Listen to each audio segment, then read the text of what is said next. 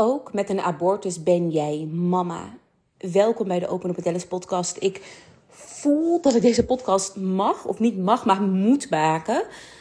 Ik heb namelijk ooit zelf een podcast gemaakt over mijn abortus. Ik zal uh, die hieronder even linken. Het uh, is een veel beluisterde podcast. Ik zit even te twijfelen of die op 1 of nummer 2 staat als meest beluisterd. Maar staat echt sowieso in de, in de top 5. En afgelopen maanden heb ik wel eens vrouwen in DM gehad over abortus.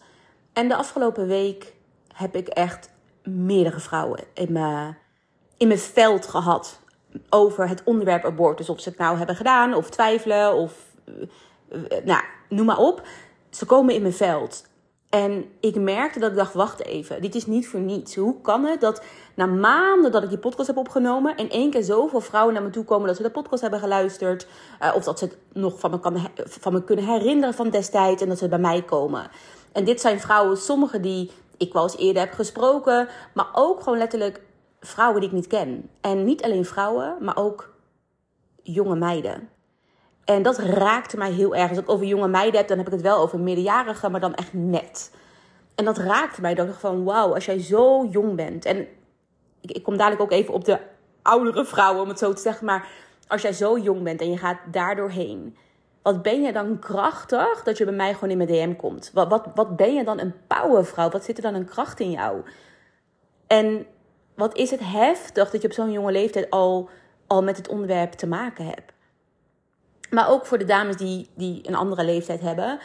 Ook dan mega krachtig dat je dit bespreekbaar maakt. En bespreekbaar maken kan één op één zijn. Hè? Dat hoeft niet in een podcast.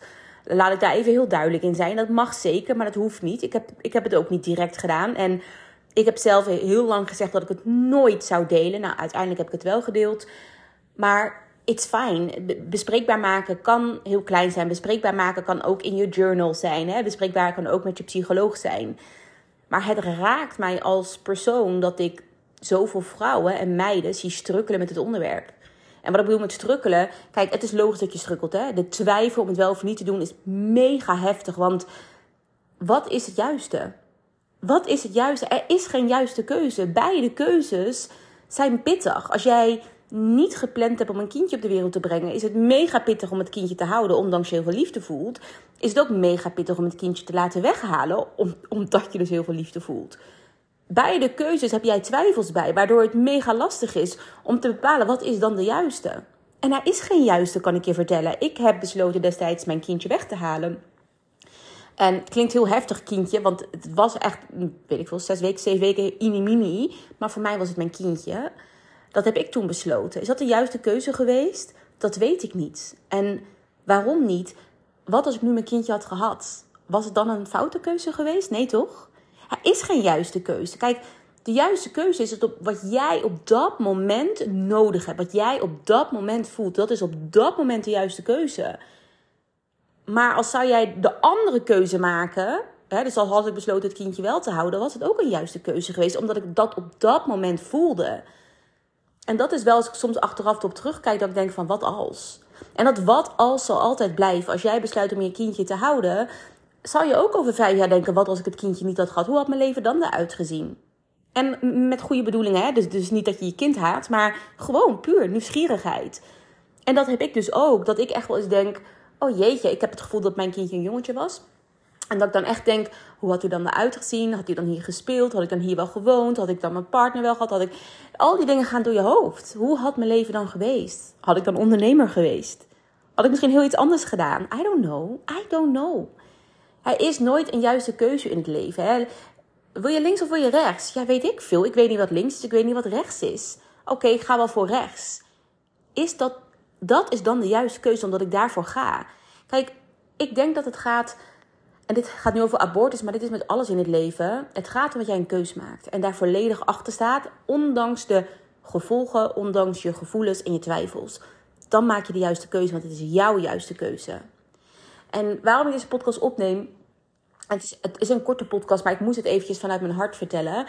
Ik begon net met, jij bent mama, ehm, ook al heb je een abortus gehad. Jij bent mama. En als je kijkt bijvoorbeeld, ik weet niet of je thuis bent in familieopstellingen, maar ik heb toen een familieopstelling gedaan waarbij dus mijn kindje naar voren kwam. Mijn kindje zit in mijn familielijn. Dus stel je voor dat ik nu nog drie andere kinderen zou krijgen. niet nog, maar stel je voor, ik krijg drie kinderen die, die geboren worden. Dan is mijn eerste kindje die geboren wordt niet de oudste. In de familielijn zit er eigenlijk iemand voor hem of haar. En daarom zeg ik, jij bent mama. Energetisch ben ik mama. Energetisch heb ik een kindje bij me gehad. En energetisch heb ik ook voor mijn kindje gezorgd. Heb ik, heb ik de keuze gemaakt voor mijn kindje om niet geboren te worden. En ik, ergens vind ik rust in het idee dat dit de weg was voor mijn kindje. Dat dit het pad was voor mijn kindje. Dat het nooit de bedoeling was dat hij geboren werd. Ik vind het altijd een beetje lastig, omdat ik denk, ja, dat makkelijk zeg, want ik heb de keuze gemaakt. Maar ik merk wel dat ik daar rust in vind. Omdat ik denk, ja, dit, is, dit was zijn pad. En ik heb als mama die keuze gemaakt. En ik geloof nog steeds dat ik als mama de beste keuze heb gemaakt.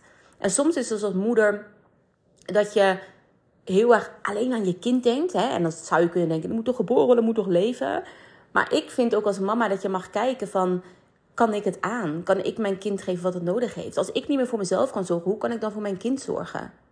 Neem niet weg dat ik geloof dat er ouders zijn die bijvoorbeeld um, heel weinig geld hebben, in een uitkering zitten, um, chronisch ziek zijn, een kindje geboren laten worden en daar heel veel liefde aan geven, dan denk ik zeker dat dat meer dan goed genoeg is. Als jij liefde kan geven, is het eigenlijk meer dan goed genoeg.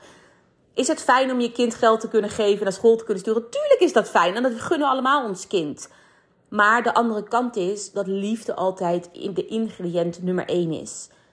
Ik groei liever op in een familie met wat minder geld, maar met liefde, twee armen om me heen en iemand die altijd in me gelooft en zegt dat ik voor mijn dromen mag gaan, dan in een familie waar ik een auto krijg en een, uh, weet ik veel, een iPad en maar dat mijn ouders nooit thuis zijn en het zaken ook niet zo interesseert wat ik doe. Dus ik denk dat, dat een kindje in elk nest, zolang er liefde is, veilig is en welkom is en genoeg krijgt om dit leven te mogen aangaan. Alleen ik vind wel als mama dat je zeker mag kijken, wat wil ik? Als jij echt voelt, dit wil ik niet, dit kan ik niet.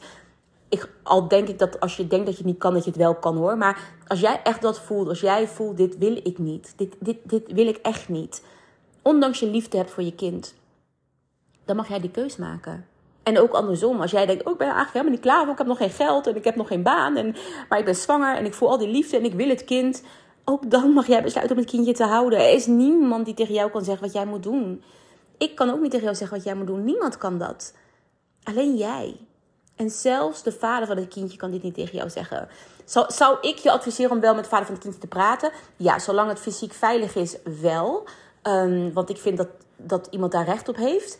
Maar kindje zit in jouw buik. Jij bent baas van eigen buik.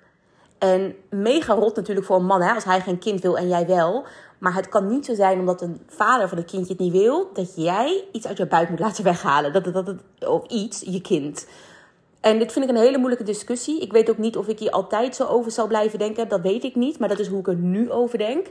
En dat wil ik ook echt aan jou meegeven. Van, ga eens echt voelen bij jezelf. Dus heb het erover inderdaad met je psycholoog. Heb het erover met de vader van het kindje.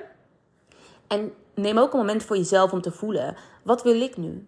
Wat heb ik nodig? In beide uh, cases. Hè? Dus als jij het laat weghalen, niet laat weghalen. Wat heb jij nodig? Als je het laat weghalen, wil je dan alleen naar de kliniek? Wil je iemand meenemen? Wil je een psycholoog? Wil je daarna even een week vrij van werk? Een maand vrij van werk? Als je het houdt, wat heb je dan nodig? Wil je dan graag vragen of je ouders je kunnen helpen erbij? Heb je dan een huisje nodig? Weet je, bij beide cases, wat heb ik nu nodig? Welke keuze ik ook maak. En doe dat is alleen. Dus nogmaals, als je een lieve partner hebt, doe het zeker ook met je partner. Maar doe het ook alleen, zodat je echt bij jouw gevoel kan komen. En zodat je altijd op een later moment, dat is tenminste hoe ik het ervaar. Ik weet dat de keuze dat ik mijn kindje heb weggehaald 100% bij mij ligt. De vader van het kindje wou die het. Ja, ook niet per se. Um, je moet anders maar mijn andere podcast luisteren om, om dat verhaal wat meer te horen. Um, maar het was echt mijn keuze. Ik was heel erg alleen daarin. Hij was ook in geen velden meer te bekennen toen ik naar de kliniek moest. Dus hij vond het niet erg dat ik het weg zou halen. Maar meegaan, uh, dat was moeilijk met vrije dagen. Terwijl hij wel vrije dagen kon opnemen om naar feesten te gaan. Dus dat, nou, je hoort dat ik daar zeker een oordeel over heb. Um, maar neem ik het hem kwalijk? In mijn eerste podcast weet ik dat ik heel. Oeh, mijn serie praat tegen mij. Siri, hou je mond.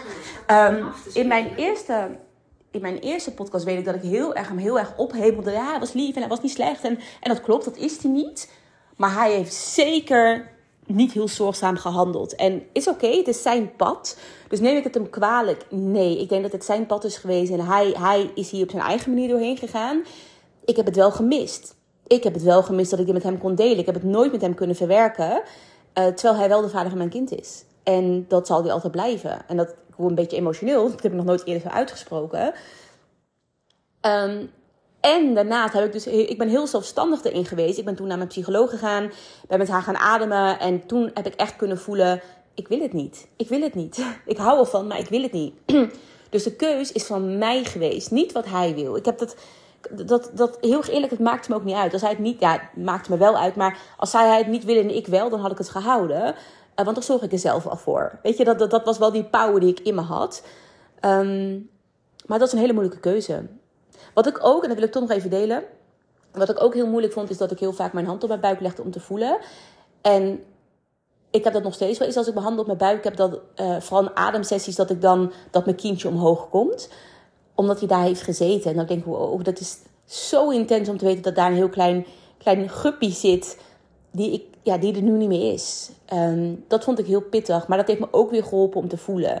En dat is echt wat ik jou zou willen adviseren. Voel het alsjeblieft. Ga hier niet te snel doorheen. Dus de jonge dame die ik heb gesproken laatst, maar ook de andere aantal dames die een andere leeftijd hebben. Ga er niet te snel doorheen. Dit is niet even iets. Oh, ik ga naar de kliniek, ik haal het weg en morgen gaan we weer verder. Ja, dat kan, gewoon letterlijk lichamelijk kan dat. Maar mentaal heeft het impact op je. Of het nou op onbewust of op bewust niveau is. Mentaal gaat het een impact op je hebben. Op jou, op de vader van je kindje. Maar ook ooit in de toekomst als je andere kinderen gaat krijgen. Jij bent namelijk mama. En misschien ben je er nu niet meteen aan toe om dat woord zo te gebruiken dat je mama bent. Ik heb het heel lang niet kunnen uitspreken. Maar ik besef me steeds meer dat ik mama ben. Dus ook op moederdagen dan... Ik vind het nog lastig om dat dan echt te vieren. Maar ik merk wel dat ik denk, oh ja, ik ben ook mama. En um, ik heb bijvoorbeeld ook nooit echt afscheid van mijn kindje genomen. Ik heb nog geen ceremonie gehouden wat ik wel wil doen. Dus dat staat ook op mijn planning, maar ik ben er gewoon nog niet aan toe. Maar ik ben wel mama. En dat mag, mag je echt onthouden. Dus of je het nou meteen niet kan voelen of niet meteen kan uitspreken, dat is oké. Maar gun jezelf de ruimte en de reis om uiteindelijk echt te beseffen, je hand op, hand op je hart te leggen of op je buik te leggen en te zeggen: Ik ben mama. Ik ben mama en ik ben een hele goede mama. Want je bent een fantastische mama. Ook al heb je een keuze gemaakt voor een abortus. Of ook al heb je de keuze gemaakt om een kindje te houden terwijl je het eigenlijk misschien niet helemaal wil. Je bent een hele goede mama. Weet je waarom? Omdat jij dit luistert. Omdat je, dat, dat betekent dat je erover nadenkt. Omdat dat betekent dat je een hart hebt. Dat je een ziel hebt. Dat je het moeilijk vindt. Dat je de juiste intentie hebt. Dan ben je een goede mama. Een goede mama is niet die alles perfect doet volgens het boekje. Hè? Want wie heeft dat boekje geschreven? Onze maatschappij. Nou kan je één ding vertellen: dat onze maatschappij zeker niet altijd goed is voor kinderen. Dus de maatschappij is even niet boeiend. Het gaat om: is jouw hart schoon? Heb jij de juiste intentie? Ik weet 100% dat jij die hebt. Anders zou je niet naar mij luisteren. Dan zou je niet in mijn veld zitten. Dat, dat weet ik, dat voel ik. Alleen jij mag het voelen. Dus als je deze podcast luistert, dan weet ik dat deze podcast voor jou echt is. Neem dan even de tijd. Ik weet niet of je nu in de auto zit of ergens anders. Maar het moment dat je even alleen bent, al is het op het toilet, leg je hand op je hart. Of desnoods op je buik. En zeg maar tegen jezelf: Ik ben mama. Ik ben jouw mama. Ik ben een goede mama. Ik ben een liefdevolle mama. Ik hou van jou, mijn kind. Voel het maar. En als die tranen komen, laat het er alsjeblieft zijn. Ook bij mij, nu ik dit inspreek, voel ik tranen. Hè? Het mag er zijn. Het moet er in mijn ogen zelf zijn. Het is niet even, nou hup, en weer doorgaan. Ja, dat is nou al vijf jaar geleden, Alice. Nee, nee. Dit is mijn journey. Dit is mijn verwerkingsproces. En voor iedereen is dat anders. Dus lieve vrouwen, als jij in mijn veld bent en je hebt vaak het gevoel dat je mij een DM wou sturen. Misschien heb je mij die DM gestuurd. Misschien ben jij die vrouw geweest die ik heb gesproken. Eén van de vrouwen. Weet dat je niet alleen bent. Weet dus dat er meerdere vrouwen bij mij echt op de lijn komen als ze hier doorheen gaan. Alleen we praten er niet over omdat het zo'n taboe is. En dat is oké. Ik zeg niet dat jij er nu over moet praten. Ik hoop alleen dat de wereld op een gegeven moment zo'n veilige plek is dat we hier wel open over kunnen praten. Dat abortus heel, nou, niet, ik bedoel niet heel normaal, dus laten we dat lekker makkelijk doen, maar dat we hier wel over spreken zonder oordeel. Zonder, oh, maar waarom dan? En dat jij het gevoel hebt, ja, maar dat jij het gevoel dat jij jezelf moet uitleggen. Ja, maar kan er eigenlijk niet voor zorgen, ik had weinig geld. En nee, de reden waarom jij de keus maakt, boeit mij niks. Het enige wat mij boeit, is dat jij het lastig vindt en dat je pijn hebt. En dat is waarom ik er voor jou wil zijn. Of het nou is via deze podcast, gewoon lekker energetisch, in de, hè, dat ik er voor je ben. Maar jij hoeft mij nooit te vertellen waarom je een keus maakt. En dat zou je ook nooit aan de wereld hoeven te vertellen. En ook niet aan jezelf. En tuurlijk, we doen het allemaal. Want ik, ik doe het ook. Hè, want dat, dan kan ik het stukje goed praten in mijn hoofd. En ik hoop dat dat op een gegeven moment weg is. Dat de wereld zo veilig is dat we, dat we gewoon letterlijk uit liefde kunnen zeggen: Ik heb mijn kindje, ik heb een abortus gehad, ik heb mijn kindje laten weghalen. Het doet me heel veel pijn. Ik weet dat dit de juiste keuze is, maar het doet me pijn. Dat is het, enige, het is het enige wat er mag zijn. Dat is het enige wat er hoeft te zijn. Laat je nooit gek maken dat jij denkt dat jij jezelf moet verantwoorden. En helaas is dat wel zo in deze wereld, want heel veel mensen hebben een oordeel erover. Dat weet jij, dat weet ik. En daarom zijn we er stil over, wij vrouwen. En dat is de reden waarom ik erover praat. Dus ja, dit is een podcast waar ik veel over sales praat. Ik ben een salescoach. Ik begeleid ook geen vrouwen met dit traumastuk. Wil ik ook niet, doe ik ook niet. Maar taboes doorbreken over dit soort onderwerpen staat voor mij echt zo hoog op mijn kernwaarden, op mijn lijstje in mijn bedrijf, dat ik dit altijd zal blijven doen. Ik zit er zelf aan te denken. Nou, als jij dit luistert, laat me even weten. Ik zit er zelf aan te denken om, als mijn vergaderruimte Nova Office af is dadelijk in oktober, om een avondje te organiseren om met, bij, elkaar te komen. Om uh, misschien een paar mooie oefeningen met elkaar te doen, uh, te ademen, te voelen, te praten met elkaar. Een soort van vrouwencirkel um, over het onderwerp abortus. En dat kan natuurlijk helemaal privé. Dat hoeven we allemaal niet te delen op Instagram. dit gaat ook niet omdat ik een verdienmodel achter wil hangen. Nee, dit wil ik organiseren vanuit mijn hart. Als je dit hoort en je denkt, Alice, dat zou ik heel graag willen met een klein groepje vrouwen. Ik denk max 10 vrouwen, denk ik. Misschien 8, ik moet even kijken. Um, stuur me even een DM. Um, als ik wat DM's heb, en wat ik al zei, dit blijft tussen jou en mij. Ik ga niet je naam delen, ik ga geen foto's delen. Dit is helemaal alleen maar tussen mij, jou en de vrouwen die willen komen. Dan wil ik met liefde zoiets organiseren. Dan kan ik ook iemand uitnodigen die hier uh, wat meer expertise op heeft. Um, ik, ik ga wel iets moois maken van die avond. Ik ga er wel voor zorgen dat er um, een bepaald programma is, zodat we ook niet alleen met gelijkgestemden zijn, maar dat we ook een stukje aan verwerking kunnen doen. En een stukje liefde kunnen geven aan ons kindje. Dus um, ja, dit, ik, ik weet niet, dit had ik niet bedacht van tevoren, maar laat maar weten. Als ik genoeg uh, mensen heb die, wil, die, die willen, ga ik dit zeker voor ons, uh, voor ons organiseren. Dankjewel voor het luisteren. En dankjewel dat je mij elke keer weer in vertrouwen neemt, lieve vrouw. Dat je mij DM stuurt, dat je mij WhatsApp stuurt, dat je bij me in de lucht komt. Ik ben er voor jou. En soms is dat even een klein DM'tje terug van mij. Soms is dat alleen maar energetisch. Maar je doet het niet alleen. Dankjewel.